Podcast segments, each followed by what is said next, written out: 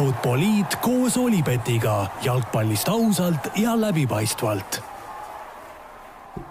no nii, tervitused taas kord Futboliidi kuulajatele, jalgpallisõpradele. Futboliit alustab stuudios Raul Õissaar ja Joel Lindermitt. tere, Joel! tervist! eelmine kord olime eetris pärast alagrupi turniiri lõppu enne kaheksandikfinaale, seekord oleme siis veerandfinaalide ja poolfinaalide vahel, küll tugevalt poolfinaalide poole kaldu, selles, sellepärast et juba täna õhtul esimene poolfinaal ära mängitakse aga aeg siis äh, selliseid väikseid vahekokkuvõtteid teha ja ja, ja rääkida sellest, mis on meile silma jäänud. Äh, ega midagi muud siin ei olegi, hakkame kaheksandikfinaalidest äh, selles suhtes võib-olla pihta, et et võtame kõigepealt ette selle, mis me siis eelmises saates ennustasime ja vaatame, kuidas siis, kuidas siis nende asjadega siin läks, et kui alagrupi turniiril ikkagi, Joel, sina suutsid minust natukene paremini ennustada, siis ma väikse kiire pilgu viskasin peale ja mulle tundub, et mul läks kaheksakümnendfinaalides natukene paremini.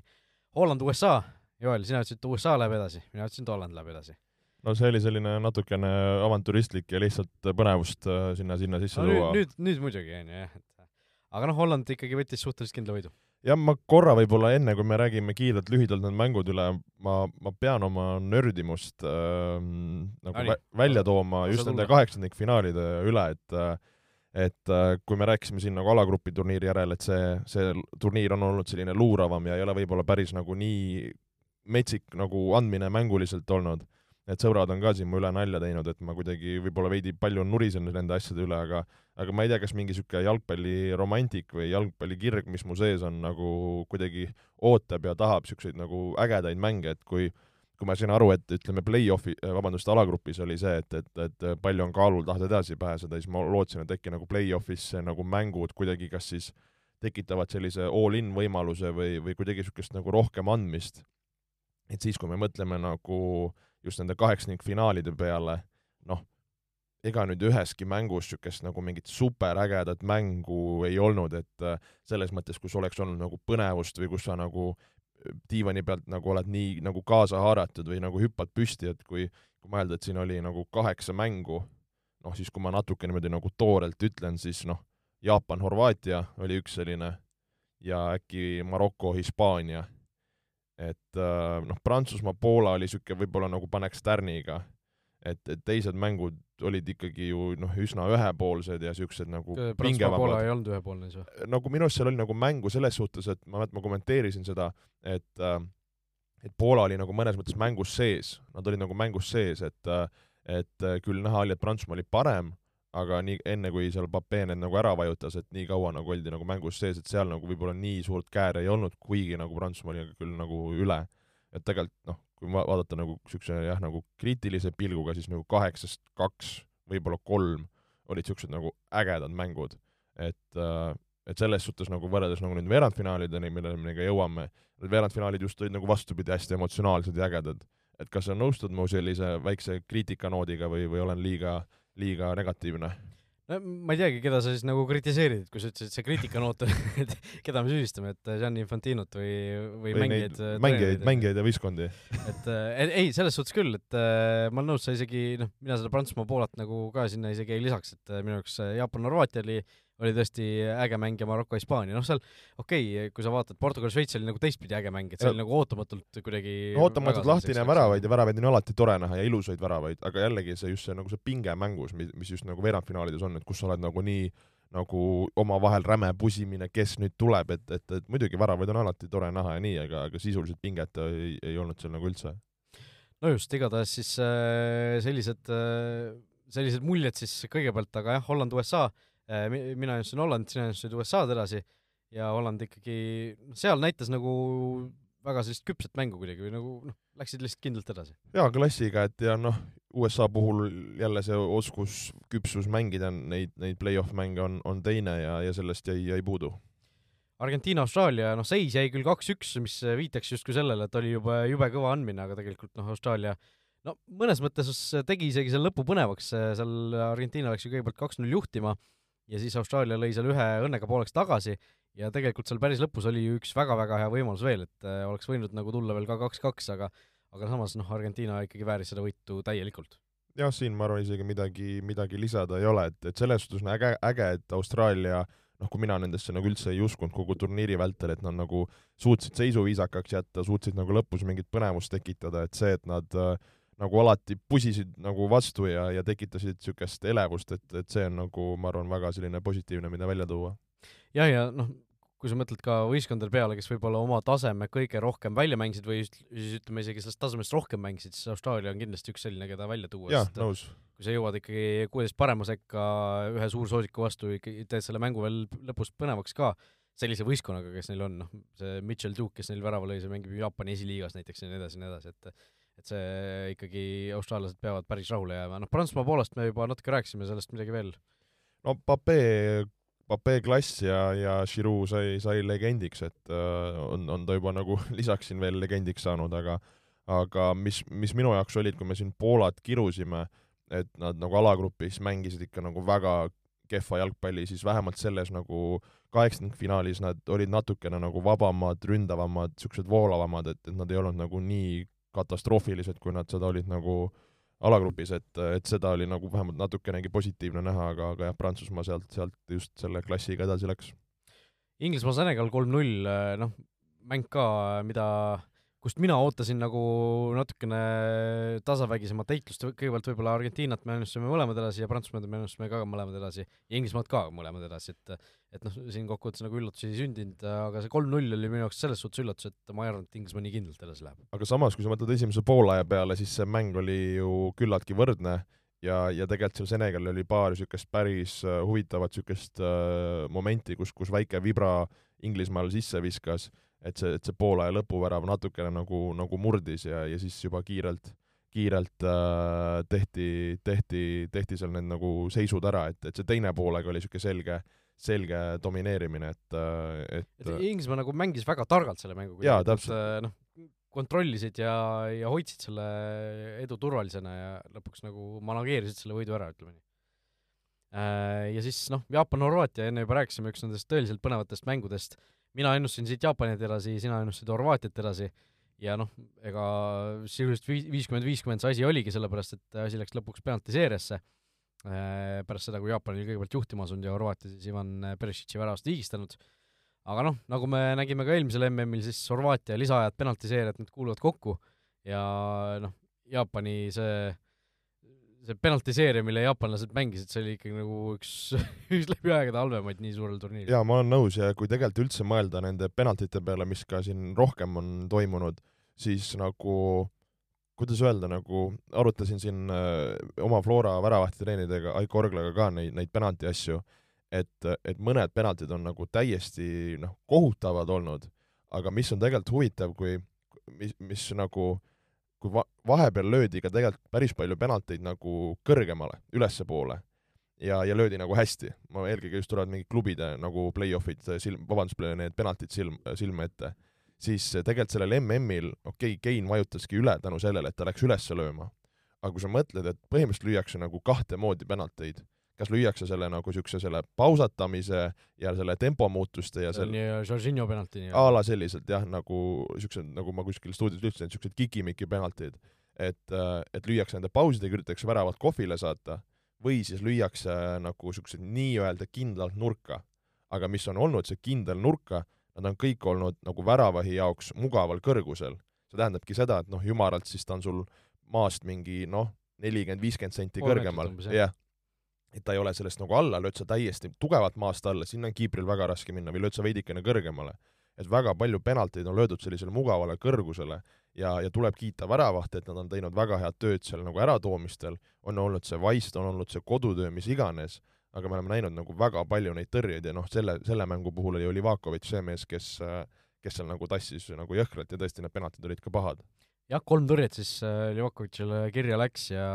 ja kolm-üks siis Horvaatia selle penaltiseeria lõpuks võitis ka. Äh, kusjuures horvaadid end-, ise ka ju, see Marko Livaja penalti oli ka ju täielik nagu sihuke noh, läks lihtsalt nagu noh, kuskil nagu trenni lõpus lihtsalt korra toksis. no seal oligi seesama, ta läks seda, seda ka seda nagu pausiga lööma või ootama, et kiiper vajub ära, et seal ongi see, et kui kiiper suudab hästi püsida ja sa ei suuda seda nagu kindlat nurka suunata, siis sa panedki niisuguse plönni sinna kõhu alla et ma ise olen ka mõelnud, et nagu kui sa oled penaltiseerias, siis, siis nagu noh, vajuta vähemalt see löök nagu kõvasti, et sa ei, sa ei pea sellist plonni panema, kui isegi kui sa ootad selle väravai ära, et sa saad ju ikkagi normaalse tugevusega lüüa, et sul on vähegi suurem šanss, et see kuidagi noh, väravat ei jõua reageerida või läheb lihtsalt tast mööda niimoodi, ta ei, ei saa seda kätte ette, aga noh, need mõned löögid on tõesti olnud täiesti, täiesti kohutavad. Äh, vahepeal oli siis veel Brasiilia ja Lõuna-Korea mäng, kus Brasiilia siis äh, juba kolmekümne kuue minutiga oma neli väravat ära lõi ja, ja noh, seal ikkagi sel hetkel tundus, et noh, Brasiilia peatamiseks on ikkagi midagi väga, väga, väga sellist erilist vaja. aga noh, samas kui me tagasi mõtleme, siis, siis palju oli puhkust selle mängu eel Brasiilial ja palju oli Lõuna-Koreal. Brasiilia ju alagrupi viimases mängus ei, ei mänginud üldse oma põhikoosseisuga, sisuliselt ju andis puhkust see mäng oli viiendal detsembril ja nende lõunakorealaste viimane alagrupi mäng eh, oli siis ju, eh, kohe võtame ette, eh, teisel detsembril, ehk siis noh, kolme, kak-, kaks nii-öelda tühja päeva oli vahel, samal Brasiilia sai sisuliselt nädal aega pesitada ja valmistuda, on ju, et et seal võib-olla mingis mõttes ei olekski saanud teistmoodi minna või? no okei okay,, üks oli nagu koosseisu vahetus ja need, ja need päevad, pigem oli seal minu jaoks noh, Lõuna-Korea, kes nagu see pingutus nii emotsionaalselt kui füüsiliselt seal alagrupis oli nagu nii viimase piiri peal, et, et nad selleks Brasiilia mänguks, nad olid nagu väga nagu niisuguseks nagu ribadeks äh, mängid, mänginud ennast. Ja seda oli nagu väljakul näha, et seesama distsipliin, see töökus, mis neid nagu alagrupis tassis, Nad olid nii veidralt laiali minu jaoks Brasiilia vastu. Ja kui sa annad Brasiiliale nii palju ruumi, siis Brasiilia murrabki su, su katki ja seal murti nagu kiirelt ära ja sinna see mäng nagu, nagu, nagu läkski, et et, et, et minu jaoks jah, ma ei, ma ei tundnud nagu seda, seda Lõuna-Koread seal väljakul ära. No ma arvan, et neil oli ka mingisugune probleem ikkagi seal eneseusuga, arvestades seda, et nad olid alles juunis Brasiilia käest üks-viis saanud, Äh, nende jaoks alagrupist edasipääsemine oli juba nii-öelda selle eesmärgi täitmine. Ja noh, Brasiilia tõesti sel hetkel nägi ju väga-väga hirmuäratav välja ja noh, võib-olla nad tundsid ise ka, et neil ei ole nagu erilist šanssi, et ma, ma arvan, et seal võis see ka rolli mängida. Ja, ja siis äh, kaks viimast äh, kaheksandikfinaali, Maroko-Hispaania. no tuleb öelda, kui me mõlemad ennustasime Brasiiliat edasi, siis Marokot ennustasin mina edasi, Joel, sina ütlesid Hispaania ja lõpuks Maroko ikkagi penaltiseerias läks edasi no see oli, see oli ikka väga närviline mäng, ütleme nii, eriti see kas oli normaalne või lisaajal lõpp, kus seal ikka Hispaanial oli päris mitu head võimalust järjest? no mäletan, ma olin, ma olin stuudios selles äh, mängus ja, ja mis, mis nagu, mis Hispaania jaoks sai saatuslikuks, tegelikult see trumm, mida sa ju tagusid siin turniiri alguses ja turniiri jooksul, et see, see mingi üksluine mängustiil ja ja kuidas ei suudeta kohaneda, leida mingeid muid alternatiive, et, et minul kui nagu treeneril oli seda nagu niisugune nagu valus vaadata, et et miks nagu valus, et ma just nagu toongi välja, et et mulle meeldib, kui võistkondadel on väga selge identiteet, mänguplaan, sellest hoitakse kinni, see seda Hispa-, Hispaania selles osas on selgelt number üks ju tegelikult, neil on kõige selgem identiteet. jah, et selles suhtes on nagu, see on super ja, ja nagu mängige seda mängu nagu palun väga, päevad läbi, kui tahate. aga mis on nagu ma arvan, nii jalgpallis kui elus, noh, sa pead lihtsalt üks hetk kuidagi kohanema või kohandama seda mängu, et kui sa näed, et näiteks sul ei teki nagu ohtu sellega, muuda natukene, mine natuke lihtsamaks, see, see, see ju käib jalka juurde, et sa ei saa nagu silmad kinni nagu vastu seina nagu sõita ja oodata, et sa kuidagi murrad sealt nagu läbi. et, et just see, et sa ei, nagu ei suuda oma mängu nagu muuta, et see ei ole ju küsimust, et nad ei oskaks teistmoodi mängida, muidugi oskavad, et, et kas see on nagu treenerite suunis, on see mingi mängijate, et mis see nagu kõik see kompott on et nagu ehe näide tegelikult on see nagu see Hollandi-Argentiina mäng, millest kohe räägime. noh, seal läks Holland, eks ju, noh täiesti ekstreemsusest hakati nagu lihtsalt toorest niisugust kolmanda liiga pikka palli mängima, aga see on ehe näide, et sul on vaja midagi teha nagu. ja, ja, ja, ja see Hispaania seda ei suutnud ja siis nad nagu uppusidki nagu oma seda, oma laulu mängides, et äh, ja noh, penaltid olid ka väga-väga nagu nadid. ja et noh, muidugi Marokot tuleb kiita, aga, aga, aga jah, minu jaoks see Hispaania, see, see, see oli nagu nii veider, väga veider no minu jaoks oli ka nagu kummaline kuulata tegelikult, kuidas enne seda mängu räägiti ka Hispaaniast kui ühest no suursoosikust, et et noh, ja, ja Saksamaast kui ühest tõelisest läbikukkujast, sest kui me mõtleme, siis tegelikult nende alagrupi turniirid olid ju väga-väga sarnased. mõlemad kaotasid Jaapanile, mängisid omavahel viiki ja noh, see seal, seal oli nagu väga palju paralleele tegelikult, aga noh, Saksamaa jäi välja, Hispaania läks edasi, Costa Ricat siis võideti ju erineva skooriga lihtsalt ja tä-, täpselt see, mis sa rääkisid, täpselt see, mis mina rääkisin enne, see, see nagu, mul oli nagu selles suhtes nagu hea meel isegi seda mängu vaadata, et et noh, täpselt see, mida ma olin enne, enne turniiri juba tagunud ja kuskil suvel juba tagusin esimest korda, et et see läheb nii ja see läks ka nii. ja no huvitav on minu jaoks on nüüd edasi näha seda, mis saab Hispaania koondise peatreeneri kohast, kes sinna asemele tuuakse? ei, kas juba oli ju, et uh, Enrique sai ah, säki, jah, kes oli noortekoondiste uh,, mitmes erinevas noortekoondises treener olnud. jaa, õigus, õigus, õigus jah, et uh, ma, ma selle mehe mängustiili kohta nagu ei, jah, Luis de la Fuente on see, on see nimi, siis ma selle mehe mängustiili või sellise äh, treeneri stiili kohta ei oska nagu midagi öelda, et äh, viimane klubi, mida ta juhendas, oli Alaves aastal kaks tuhat üksteist, et et ei ole justkui väga sellise särava, särava CV-ga mees, aga alates kaks tuhat kolmteist on siis erinevate äh, Hispaania noortekoondiste eesotsas olnud ja siis nii-öelda step by step liikunud sinna üles. ja teine huvitav asi mis saab Luis Enriquest, sellepärast et kui, kui me mõtleme selle peale, mis on tema treenerikarjäär olnud, ta on olnud, eks ju, Roomas, ta on olnud Celta Vigos ja ta on olnud Barcelonas. ja kui ta nagu Hispaania koondise eesotsas sellist mängustiili äh, tahtis mängida, siis no ainus klubi, kus selline mängustiil nagu läbi läheks, on reaalselt ju Barcelona. ja Barcelona hetkel ei, mulle tundub, et ei taha Luis Enriquet tagasi, et et see, ma ei tea, kas ta klubi eesotsas oleks siis nagu äh, nõus rohkem seda, seda asja muutma või rohkem paindlikum olema, aga ja noh, isegi kui ta läheks sedasama mängustiili kuskil mängima, siis noh, seal on ikkagi vaja ju, et sa sellesama mingisuguse alternatiivi võtad ka no jah, aus, aus teemapüstitus, ma isegi nii ei, ei mõelnud, no ma arvan, et eks Hispaania liigas, kui on piisavalt hea pakkumine,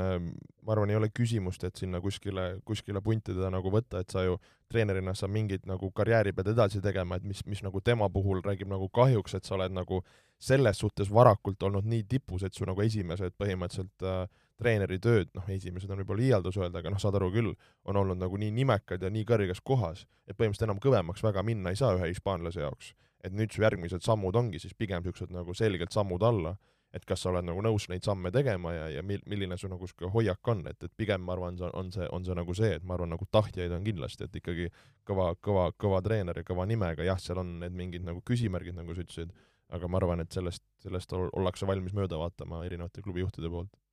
no eks näis, eks näis. no ni-, nimi on tõesti kõva, aga mulle tundub just, et neid saavutusi nagu hakkab, kuidagi nagu kipub väheks jääma, eriti viimasel ajal. Portugal-Šveits äh,, võib-olla kõige üllatuslikuma skooriga kohtumine selles, selles kaheksandikfinaalide äh, seas, sellepärast et äh, sina ennustasid isegi Šveitsi edasi, mina ennustasin Portugal, kui, kuigi ma olin ka suhteliselt nagu kahe vahel, ja Portugal kuus, Šveits üks ja noh, päris paljud pealkirjad olid ju, puudutasid siis äh, Gonzalo Ramost, kes äh, alustas Cristiano Ronaldo asemel ja lõi äh, kübartriki. Ja tubli mees, väga hästi löödud, see esimene vasaku jala pomm oli, oli ebareaalselt täpne ja tugev. no kui ma tõin paralleeli, et Lõuna-Korea oli la-, laiali ja ribadeks, siis nagu Šveits oli minu jaoks sama, et, et Šveits, kes oli ka nagu taktikaliselt väga küps, distsiplineeritud, tugev kaitses, kõik see nagu et selles mängus olid nad kõike nagu risti vastupidist, et äh, kaitses seal neil lappas see nagu, mida ma ka stuudios välja tõin, et see nagu ajasid keskväljale niisugust nagu mees mees taga ja niisugune nagu distsipliin puudus ja niisugune nagu räme bardakk oli väljakul. et see nagu selgelt peedel-, peegeldus ka nagu tulemuses, mul on tunne, et seal veidikene mindi nagu niisuguse nagu taktikalise poole ja nagu ettevalmistusega alt, et see, see ei olnud kindlasti see Šveits nagu, milleks nad nagu suutelised on. ja tuleb Portugali kiita, nad mängisid ka, ma arvan, selles mängus hästi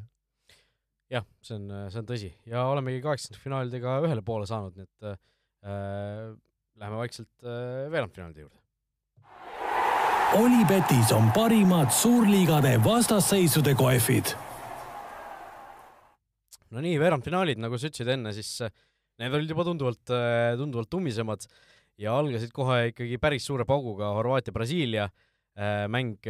noh, kus mina küll arvasin, et noh, siin see Horvaatia teekond saab otsa aga tutkit äh, lisaajal siis mõlemad võistkonnad lõid värava, kõigepealt Neimar viis Brasiilia juhtima, siis äh, Bruno Petkovic viigistas sajaseitsmeteistkümnendal minutil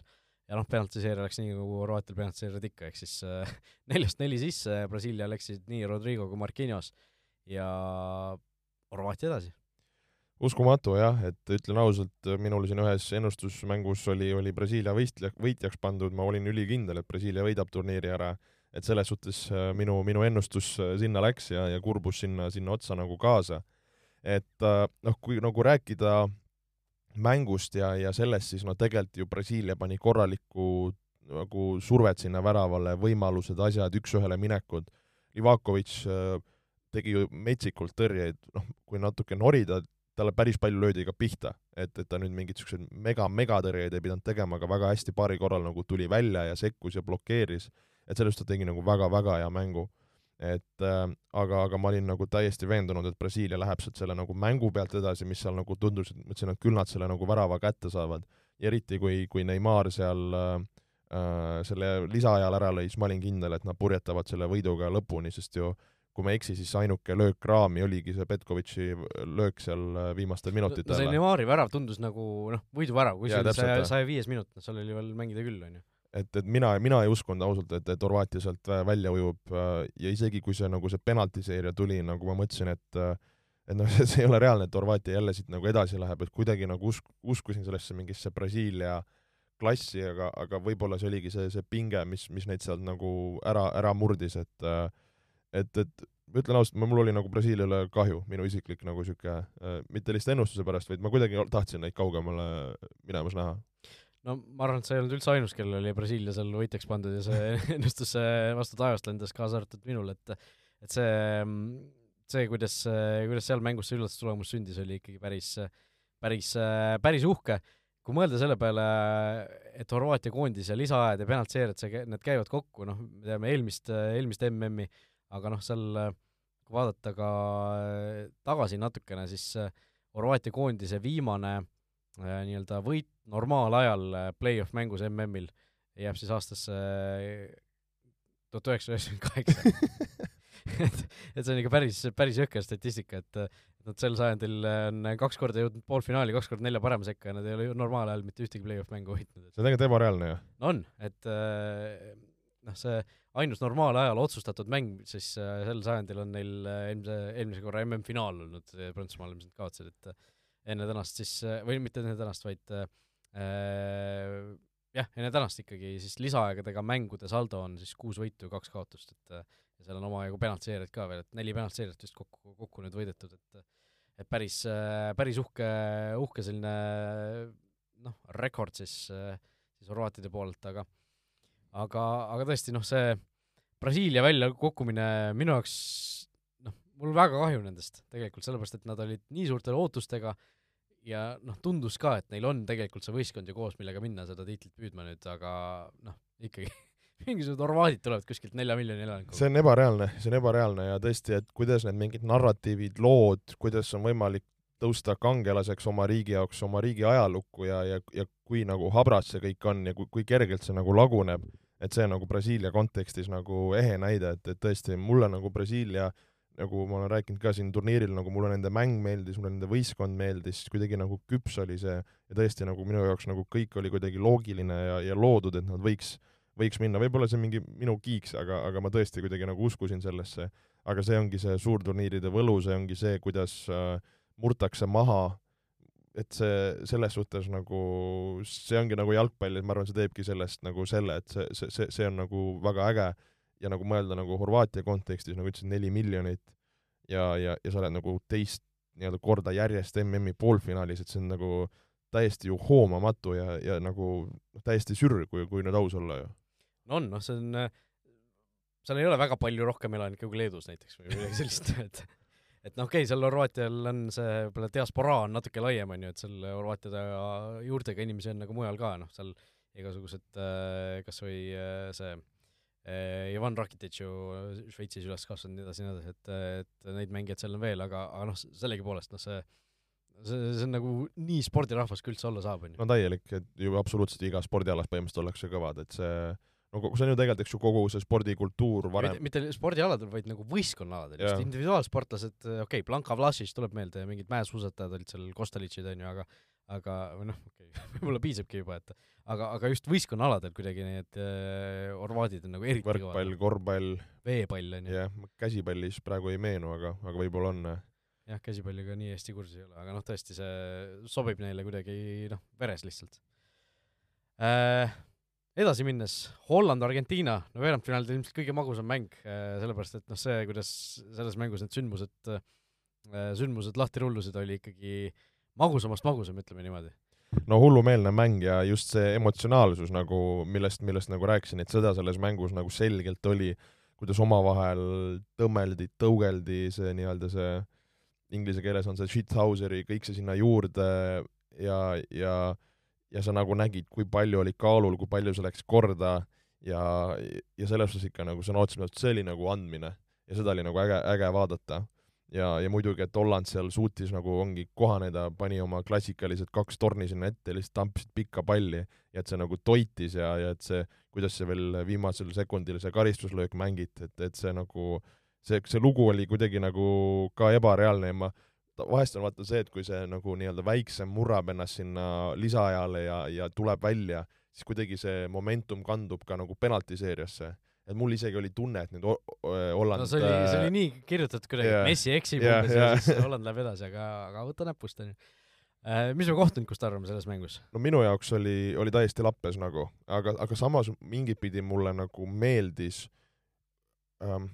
mulle meeldis see, kuidas ta nagu, okei okay,, ta ju näitas ju ropult kollaseid. kaheksateist kollast kaarti yeah. lõpuks, kusjuures enamus nendest kollastest kaartidest tuli seal tõesti mingi penaltiseeria ajal vist üldse või, sest äh, noh, mulle tuli täiesti üllatusena pärast, et Denzel Dumfries sai punase kaardi näiteks üldse onju. ta sai sada kakskümmend pluss kaheksa ja sada kakskümmend pluss üheksa sai kollast kaardi äh, Portugalis vähemalt. seal oli see, et äh, et mida kaadrid ei näidanud, mis ma nägin kuskil olid pildid,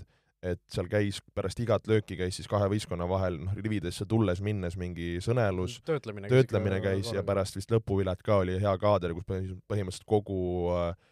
see mitte lõpuviljat, vaid seda viimast, viimast jah, vabandust, kuidas kogu Argentiina nagu seleb hollandlastele näkku, ma mäletan, Sapinen sai meie eest äh, Maltal mängides mm., sai sama asja eest äh, kollase kaardi. äh, millega ta pidi jätma äh, play-off mängu vahele Dinamo Zagrebi vastu. et põhimõtteliselt oleks pidanud seal kõikidele nendele argentinlastele nagu kaarti näitama, selle loogika kohaselt. aga mis ma tahtsin ennem öelda selle kohtuniku kohta, et äh, kui, kui sa mäletad seda momenti, kus vist oli Paredes, kes vajutas palli sinna pingile. kusjuures see oli minu jaoks nagu täiesti arusaamatu otsus, kuidas sa ei anna seda teist või nagu minu jaoks oli puhas selline üks kollane vea, see viga oli ju ikka väga konkreetne ja siis sa teed midagi sellist otsa, mina oleks, mina oleks rahuliku südamega tahtnud näha sealt äh, äh, kohtunik läheb ta juurde, nii, üks kollane selle vea eest, tõmbab ka, käe alla, teine ka veel selle löögi eest ja kokku punane, mine koju nagu mul praegu see vea tõsidus ei jää, ei viska nagu ette. see oli päris korralik. ta nagu ra-, ra-, rammis maha vea eest nagu. tegelikult saigi selle kollase okei okay., et noh, ütleme selle löömise eest oleks pidanud kindlalt saama, aga millele ma tahtsin nagu välja tuua, et vaata, siis läks seal mingiks räigeks nagu mölluks ja põkkimiseks. et äh, et selles suhtes ta minu arust selle nagu kakluse eest seal, nii-öelda kakluse eest, minu arust ei andnud kellelegi kaarti, kui ma ei eksi äh,. Jah, Van Dijk ei saanud kaarti. Van Dijk sai minu arust kas hiljem kas, kas, ei, ma praegu vaatan protokolli, Virgil van Dijkil ei ole kollast kaarti, aga ma olen täiesti kindel nagu mul on vaimusilmas see pilt, et pärast seda, kui ta nagu selle rinnaga maha lükkas selle venna, siis ta sai kollase kaardi. nagu ekraani graafikul oleks näidanud. minu arust oligi see, et ta nagu seda pärast kaklust ta kellelegi ei andnud ja ma mõtlesingi, et siin mõni Eesti kohtunik selles mäsus oleks seal nagu, ma ei liialda, viisteist kaarti andnud igale vennale, kes seal mäsus osales, nimesi nimetamata, kes need kohtunikud olnud oleks. Aga, aga see, et ta nagu ei hakanud seal nagu hullu panema, et ta mõnes mõttes lasi nendel vendadel nagu põkkida, see mulle nagu isegi nagu meeldis. see, et see ülejäänud mäng läks tal läbuks ja, ja läks seal nagu niisuguseks nagu sissesõitmiseks ja, ja kõigeks selleks nagu, et, et see on nagu omaette teema. aga no see oli tegelikult ebareaalne, ma olen nõus, et see, noh, see ja, ja ma mõtlengi nagu hollandlaste poolt ka nagu mingi vend paneb pommiga sulle pingile nagu, ma, ma läheks täiesti hulluks samamoodi. Mm.. et mulle see just see Van Dijk'i niisugune niisugune papa, see, et ta tulebki sealt kaugelt nagu, paneb seal niisuguse väikse õla nagu, et see, see kuidagi nagu ja ma olen öelnud ka, et, et see, see osa jalgpallist nagu mängijana kuidagi, mitte et see peab olema niisugune nagu robustne, aga see niisugune mingi nagu niisugune võitlus või töötlemine, et see, see on, see on nagu äge, et seda ma nagu just nagu igatsen, et olla, olles nagu treener, et, et mängijana mulle nagu mõnes mõttes meeldis oma võistkonna eest seista, see ei tähenda seda, et ma hakkan seal kedagi peksma, aga et sa seisad oma võistkonna eest ei, mulle, mulle ka tegelikult noh, see on, see on nagu puhas niisugune draama, jalgpallidraama, et kui, kui seal läheb, lähebki mingi sellised asjad lahti, et et, et jah, no mind, mind üllatas tõesti see, et teda seal platsilt minema ei saadetud, seal Messi tegi ka mingisuguseid imelikke asju vahepeal, lõpuks ta sai vist ka penaltiseerias sai oma kollase kaardi ikkagi kätte. Muide, muideks selle, selle kogu asja juures tasub meelde tuletada ühte reeglit, et kui sul on mängus kollane kaart saadud ja saad penaltiseeria ajal ka kollase, siis need, need ei tee kokku punast kaarti muideks.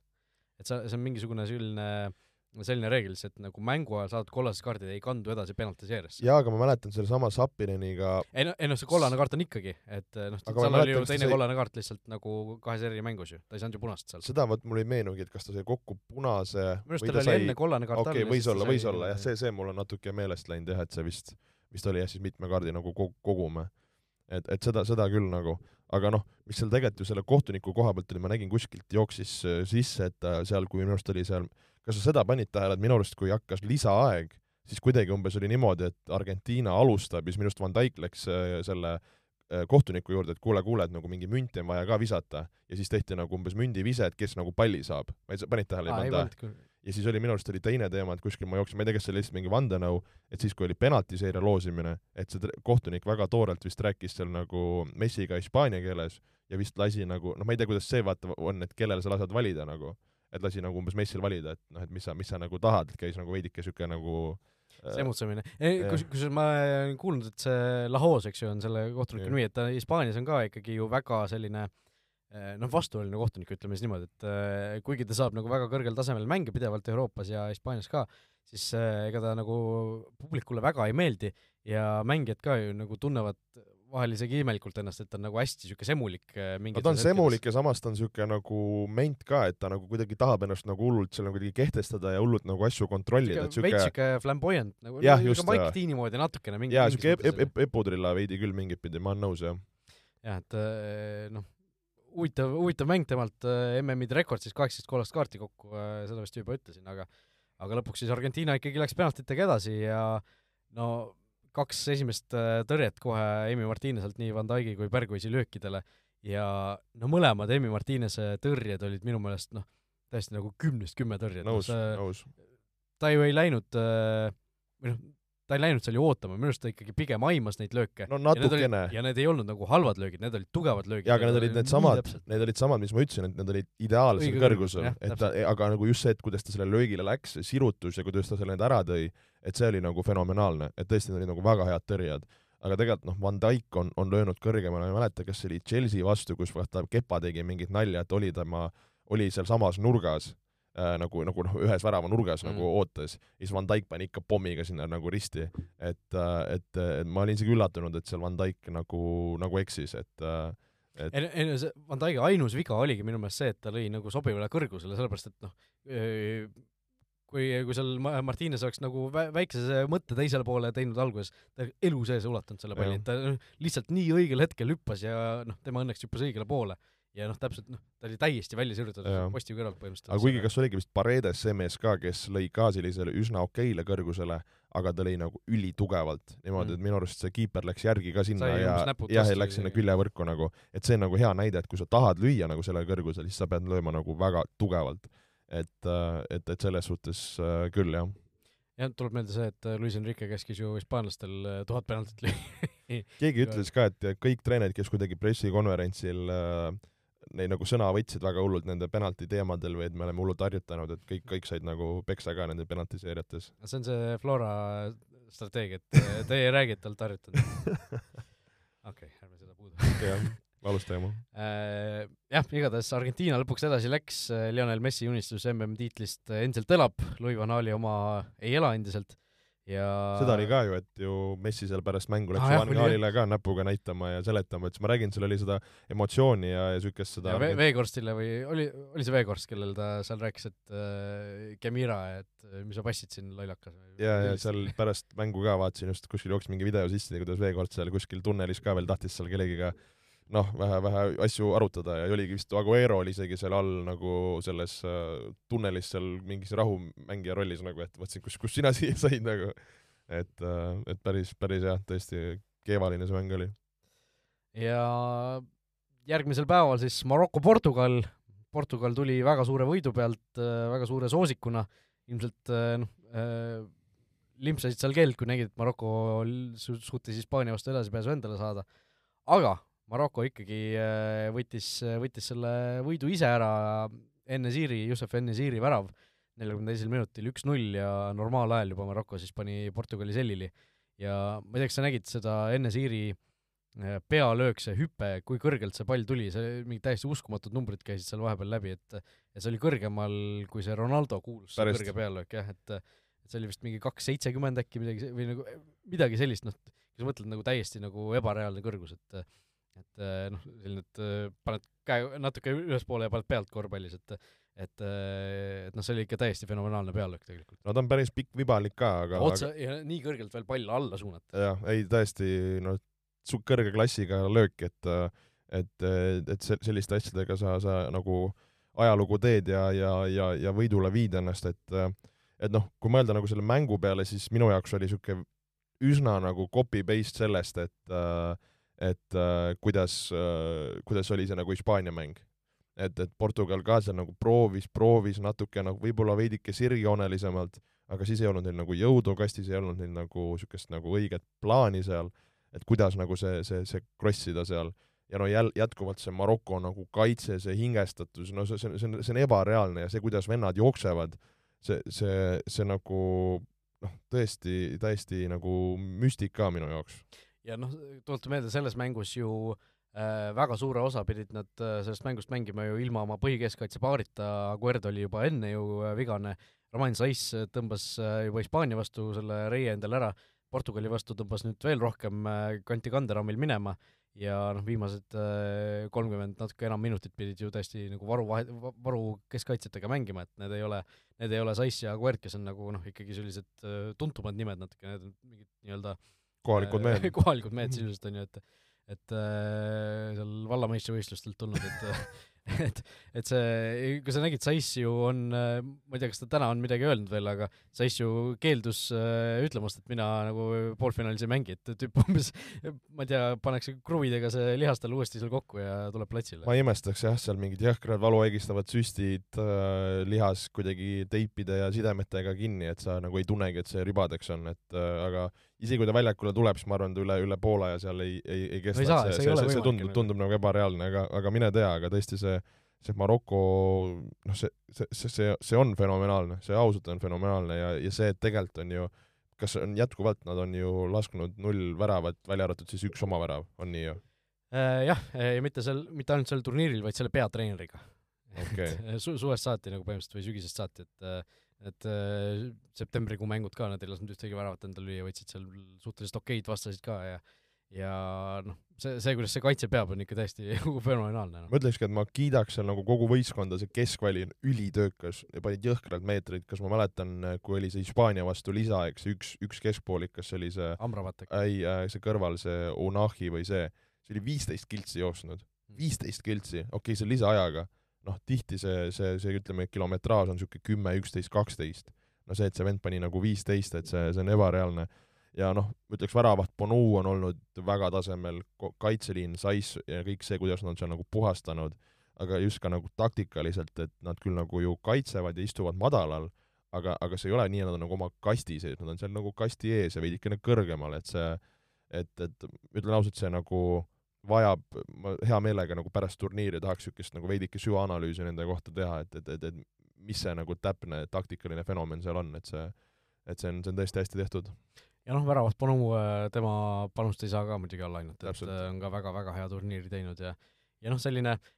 mina mäletan väga hästi, kui ma siinsamas laua taga sellesama mikrofoni taga ütlesin enne turniiri, et Marokol nagu, neil on mängijad, aga neil ei ole meeskonda olnud, siis nüüd on see meeskond ka taga, taha tulnud ja, ja noh, see, kuidas see, see meeskond nagu kokku mängib, kuidas need kõik klikivad lihtsalt, see on noh, fantastiline vaadata lihtsalt äh,. Cristiano Ronaldo sai selles mängus mängu äh,, on siis nüüd äh, läbi aegade kõige rohkem koondise mänge mänginud meesmängija koos siis äh, sellise mehe nagu see oli see Iraani mees või? ei, see oli äh, väravaid löönud mees või äh,? Kuveidi mees Bader Al-Mutava äh, mees, keda, kelle ühte koondise mängu olen mina ka isegi kommenteerinud no,, see oli, see oli eelmine aasta talvel Läti vastu äh, wow. mäletan, see oli ainus mängija, kellest oli midagi rääkida Kuveidi koondises aga, aga jah, sada üheksakümmend kuus on vist nüüd koos, aga Muta-, Al-Mutava on ka tegevmängija, nii et äh, ta ilmselt ikkagi Ronaldost äh, läheb nüüd lähiajal uuesti mööda. aga Marokos sai siis teine äh, moslemiriik, mis on MM-il jõudnud poolfinaali, kes on esimene? jälle viktoriini küsimus. mis aastal? kaks tuhat kaks. Poolfinaali? jah. ma mõtlen, poolfinaalis seal oli Brasiilia, Lõuna-Korea ja kes need nüüd teised olid? no kelle Brasiilia finaalis alistas? see oli Sak-, ei olnud Saksamaa, Saksamaa., oli Saksamaa ja Saksamaa poolfinaalis oli kellest üle? ma ei mäleta. Äh, võistkond, kes oli samal turniiril Brasiiliaga samas alagrupis muideks. ei olnud, ei olnud ma ei tähendab, Saksamaa alistas Lõuna-Korea äh, poolfinaalis ja Brasiilia alistas siis selle sama riigi, kellega nad kohtusid siis kaks korda ma ei mäleta. Türgi oli see. Türgi või? jah, Türgi, Türgi, Lõuna-Korea oli siis, Hakan Şükür lõi ju esimese minuti värava õigus, õigus, nüüd meenub vot, et ja noh, muidugi esimene Aafrika riik, esimene Araabia riik ja, ja tõesti palju-palju ajalugu, et äh, Margo peatreener ju seesama Walid Regragui oli juba veerandfinaali jõudes, oli esimene Aafrika peatreener, kes on võist-, viinud võistkonna veerandfinaali ja nüüd siis ka poolfinaali, et et tõe, tõeline ajalugu tehtud, Aafrikal ka siis lõpuks see linnuke on kirjas, et poolfinaali on pääsetud. ja, ja noh, ma ei tea, mina hoian küll väga pöidlaid neile selles, selles poolfinaalmängus homses Prantsusmaa vastu, kes siis alistas ikkagi Inglismaa selles viimases veerandfinaalis ja no mina nagu enne, enne seda mängu ütlesin äh, päris paljudele inimestele, kes äh, küsis minu käest, et äh, mis sa arvad, kes võidab, siis ma ütlesin, sellest Inglismaa-Prantsusmaa mängu, sellest, sellest mängust tuleb nagu MM-i võitja ka lõpuks. Ma ei tea, kuidas sinu tunded selles suhtes on, aga aga mu-, aga päris julge avaldus. aga mulle tundus ka, et see, see veerandfinaal oli nagu selgelt ka kõige kõrgema sellise tasemega või noh, kõige kõrgemal tasemel käis see mäng no selgelt kõige kõrgem, ma arvan, see oli noh, lihtsalt selles suhtes, et see oli kahe nagu suure võistkonna mäng, et kui sa võrdled nagu teisi äh, Äh, veerandfinaale, siis selgelt oli niisugune nagu no, tugevam, nõrgem, tugevam, nõrgem. Holland-Argentiina. no sa ei saa panna Hollandit ju Inglismaa no, ja Prantsusmaaga nagu ühte patta. Äh, jah, noh, ja okei okay,, Horvaatia äh, noh, ka selgelt selles suhtes nagu niisugune tugevam, nõrgem nagu. ja, ja noh, Portugal, Marokost nagu rääkimatagi. et äh, et nagu, ei noh, pointina nagu ma ei, ma ei saa sulle nagu vastu vaielda, aga aga minu jaoks see mäng oli selles suhtes üsna selline, nagu ma ootasin, ma teadsin, et mõlemad on üsna niisugused ettevaatlikud, taktikaliselt kaitses tehakse nagu kompaktselt ja, ja head tööd, seal mingi hullumeelset neid võimalusi ei ole, et tegelikult kui sa mõtled nende nagu väravate peale, siis sul oligi üks, üks kauglöök, mis oli niisugune, ütleks noh, individuaalne noh, meisterlikkus mingit pidi, sul oli penalti äh,,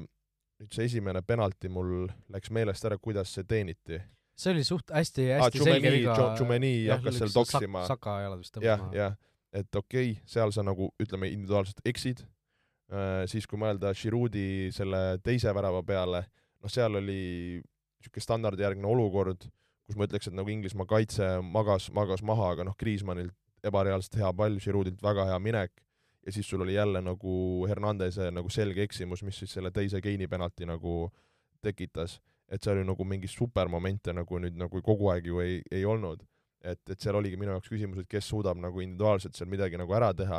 noh, tegelikult kui rääkida individuaalselt ärategemisest, siis noh, Pape, kellelt ju palju oodati, noh, oli tegelikult täiesti vaikne. no Kyle Walkeriga ootas seda duelli, ühe korra jooksis ikkagi Walkeri ära, aga samas Walker nagu ülejäänud mängus sai temaga päris hästi hakkama. jah, ja seal Henderson ka tihti nagu aitas, lappis, aga noh, Walker ongi üks-ühest tugev ja niimoodi, et, et et selles suhtes nagu minu jaoks oli see täpselt niisugune nagu, kui mõelda selle Keini teise penalti peale, et see oleks olnud nagu aus, et see läheb nagu kaks kahega lisaajale ja siis on lisaajal kas noh, keegi võtab või minnakse penaltite peale ja penaltid otsustavad.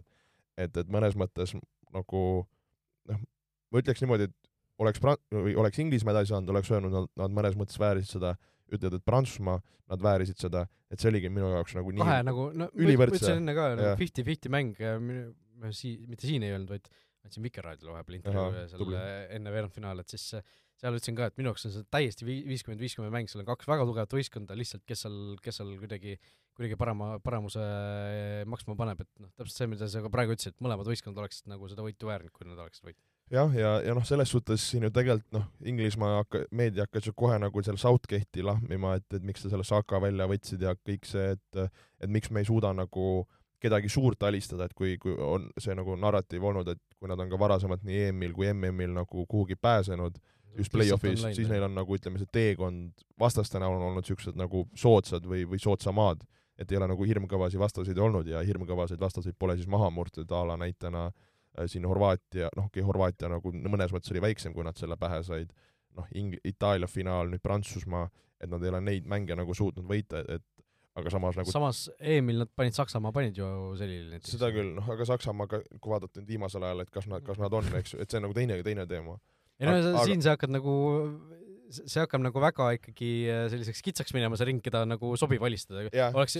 oleks EM-i finaalis Itaalia alistanud, siis ma praegu räägiks ka, noh, Itaalia ei jõudnud MM-ilegi. seda küll, aga samas vaata, kuhu nad nagu jõudnud on no,. et, et pigem ma näeks ka nagu sedapidi. aga, aga kui jah, nagu mõeldagi nagu mänguliselt siis ma just, mis ma jäin mõtlema, et tegelikult näiteks noh, kui Kein selle penalti ära lõi, äh, vaatasin huvi pärast seda statistikat ka, kui ma ei eksi, kas ta on, äkki, nüüd äkki oli niimoodi, et kas see on nelikümmend kaheksa sisse löönud, üksteist mööda, kui need mõlemad juurde tulid, või igatahes, kui ma selle nagu mängu ajal vaatasin, oli see nelikümmend seitse, kümme, ma ei mäleta, kas ma vaatasin. kuuskümmend penaltit, päris palju ikka. jah, et ja, ja ta pigem on nagu hästi löönud ja, ja ta on nagu kindlalt löönud. et siis mul oligi nagu mõte, et kui see teine penalti oli,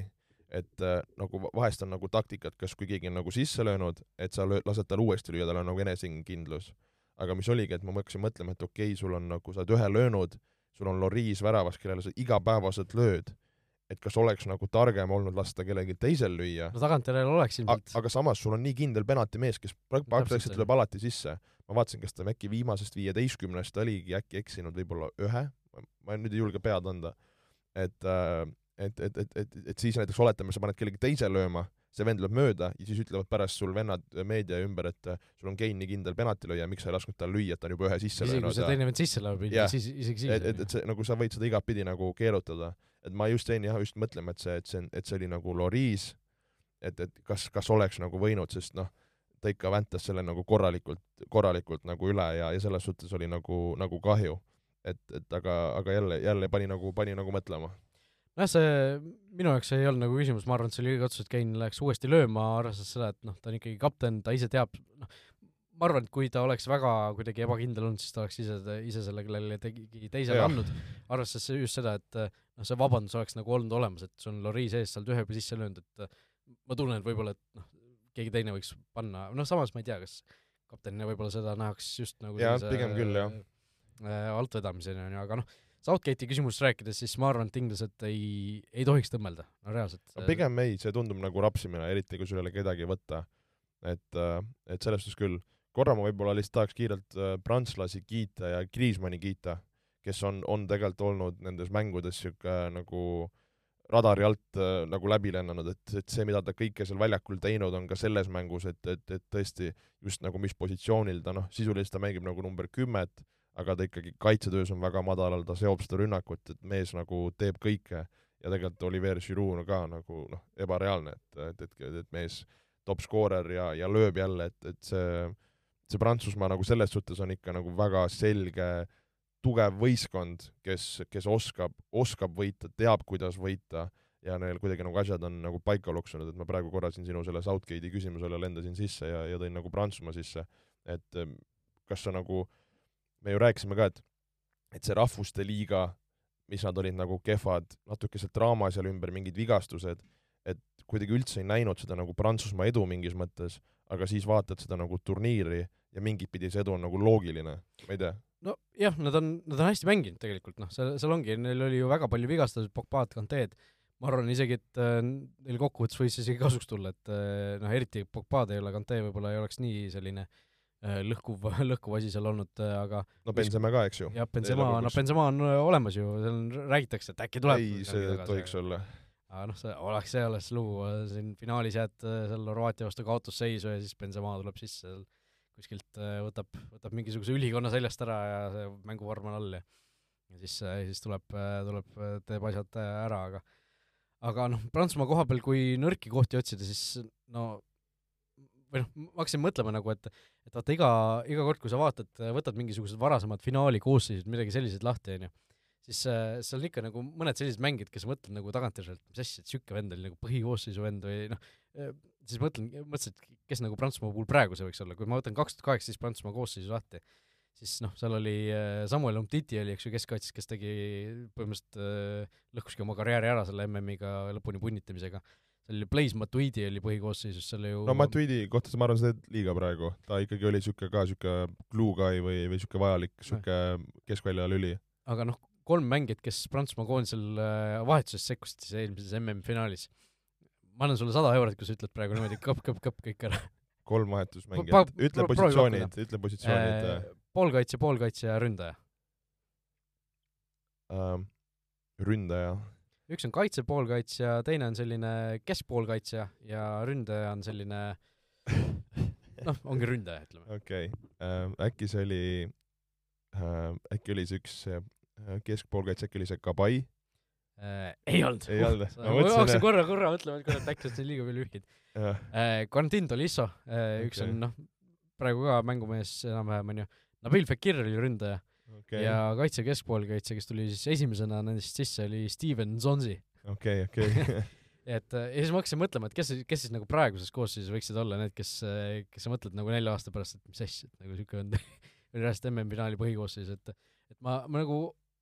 mul on järjest rohkem kahtlusi tekkinud Toyota Upamecano koha pealt. ta on veidralt äh, selline nurgeline olnud ja tema pealt on nagu kärisenud. seal on nagu eksimused on igas mängus sees. aga samas ta on ju meil noor ka, kas ta on kakskümmend kolm, neli? No on, aga, aga noh, ma lihtsalt mõtlen, et kui nagu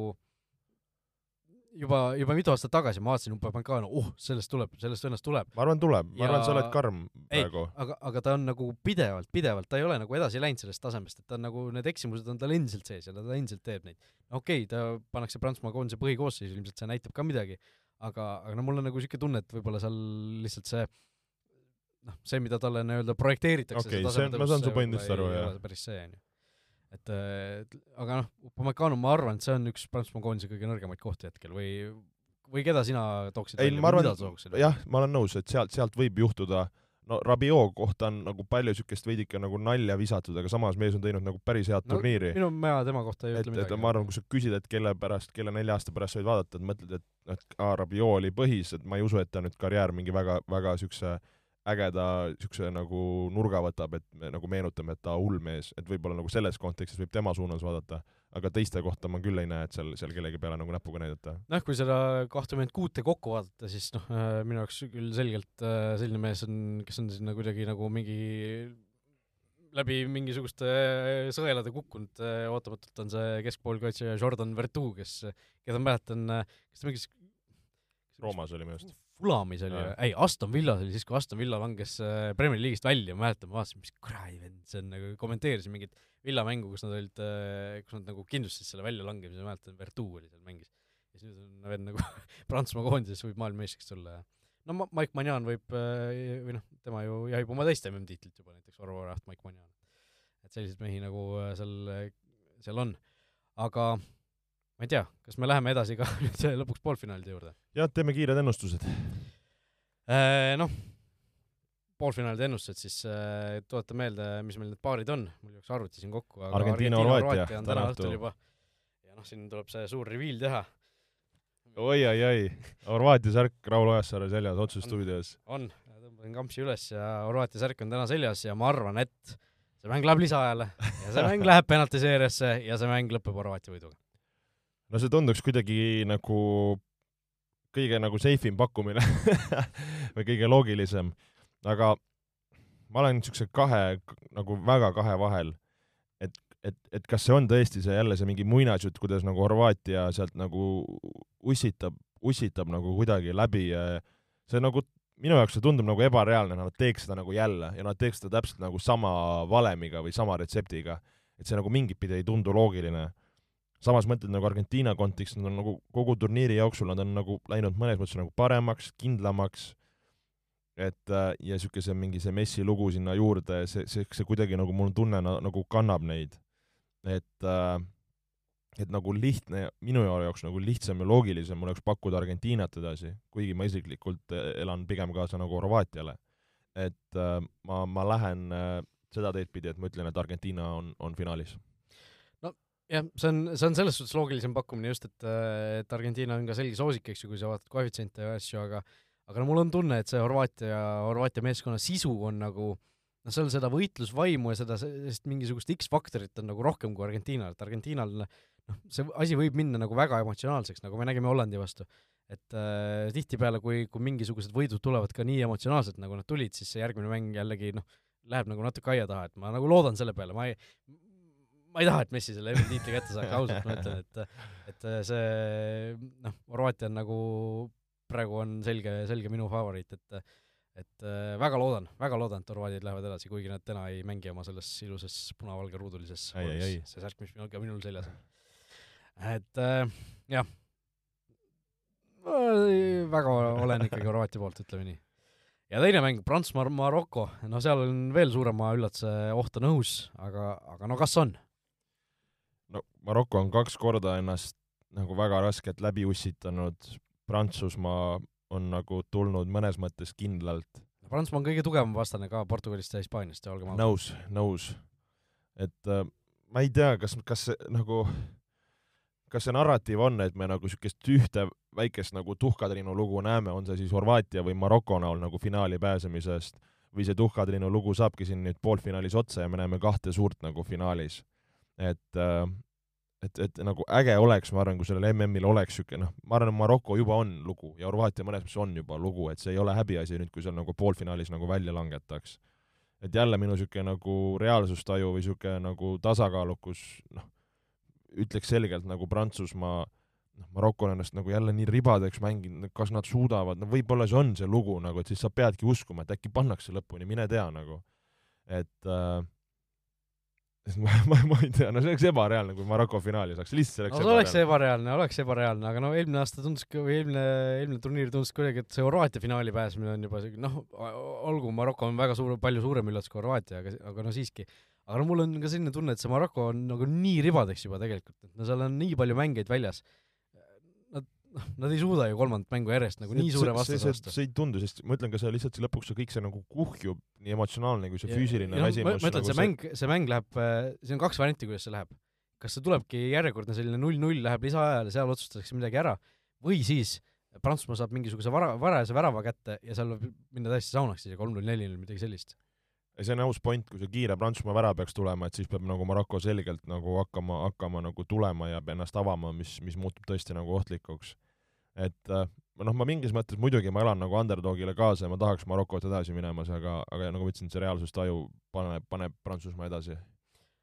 no hüva, eh, noh, minu pakkumine on ikkagi see, et eh, Prantsusmaa läheb siit edasi ja me näeme siis MM-finaali kordust. kes oleks osanud seda arvata nagu aastal kaks tuhat seitseteist, et meil on eh, või noh, okei okay,, veel ei ole, aga võib-olla, et järgmised kaks MM-finaali peetakse siis Prantsusmaa ja Horvaatia vahel, et et täiesti, täiesti ebareaalne, aga aga nii ta võib minna, nii ta võib minna ja nii ta loodetavasti läheb siis. aga ütlemegi siis ära, kes, kes sina praegu seisuga arvad, tuleb MM-i võitjaks? no nagu ma enne ütlesin, siis minu jaoks äh, Prantsusmaa-Inglismaa mängu võitjast äh, tuleb M-, äh, maailmameister ja noh, peab selle juurde jääma Prantsusmaa. no mina ka ei tahaks Argentiinat võitmas näha, ütlen ausalt, võib-olla mõningaid kuulajaid siin pahandame. jälle, kui on nagu raha, suur raha peaks panema või, või püss on otsa ees, siis ma ütleks ka Prantsusmaa. Prantsusmaa ikka, no mulle tundub, et nad on nagu kõige sellisema noh, sellise ütleme, kollektiivse tugevusega. jaa, aga ma ütlen tegelikult see Argent-, oletame Argentiina võit äh, ei oleks no ei oleks üllatus. ei oleks üllatus nagu, et, et lihtsalt siin on jah, pigem niisugune isiklik teema seal taga, et äh, et sellepärast ma arvan, me nagu Argentiinat ei taha pakkuda, aga aga, aga, aga ma arvan, ma pole küll koefitsiente niimoodi vaadanud, aga ma arvan, et Prantsusmaa on praegu ka ikkagi soosik number üks äh, ka kilpekontorites, et et lihtsalt see, nende võistkond nagu tundub, äh, tundub nagu lollikindlam kui Argentiina või mingis mõttes, ütleme. ei, see on nagu. hea point, aga noh, eks näis, täna õhtul juba siis nagu öeldud, äh, esimene mäng Argentiina-Horvaatia ja homme Prantsusmaa-Maroko, kolmanda koha mäng siis laupäeval õhtupoolikul ja finaal, suurfinaal, kaheksateist detsember, see pühapäev Lusailis ja eks siis näha, kes, kes seal peale jääb ja kes, kes ei jää. siit ilmselt tõmbame siis otsad vaikselt kokku ja vaatame siis äh, juba uuel nädalal, kuidas meie ennustused ja kuidas meie ennustused läksid esma, esmajärjekorras ja siis võib-olla vaatame seda ka, kes maailmameistriks tuli. et äh, mis seal siis ikka, äh, varsti juba oleme tagasi. kõike head, olge mõnusad! Vutiviikendi parimad kohvid leiad Olipetist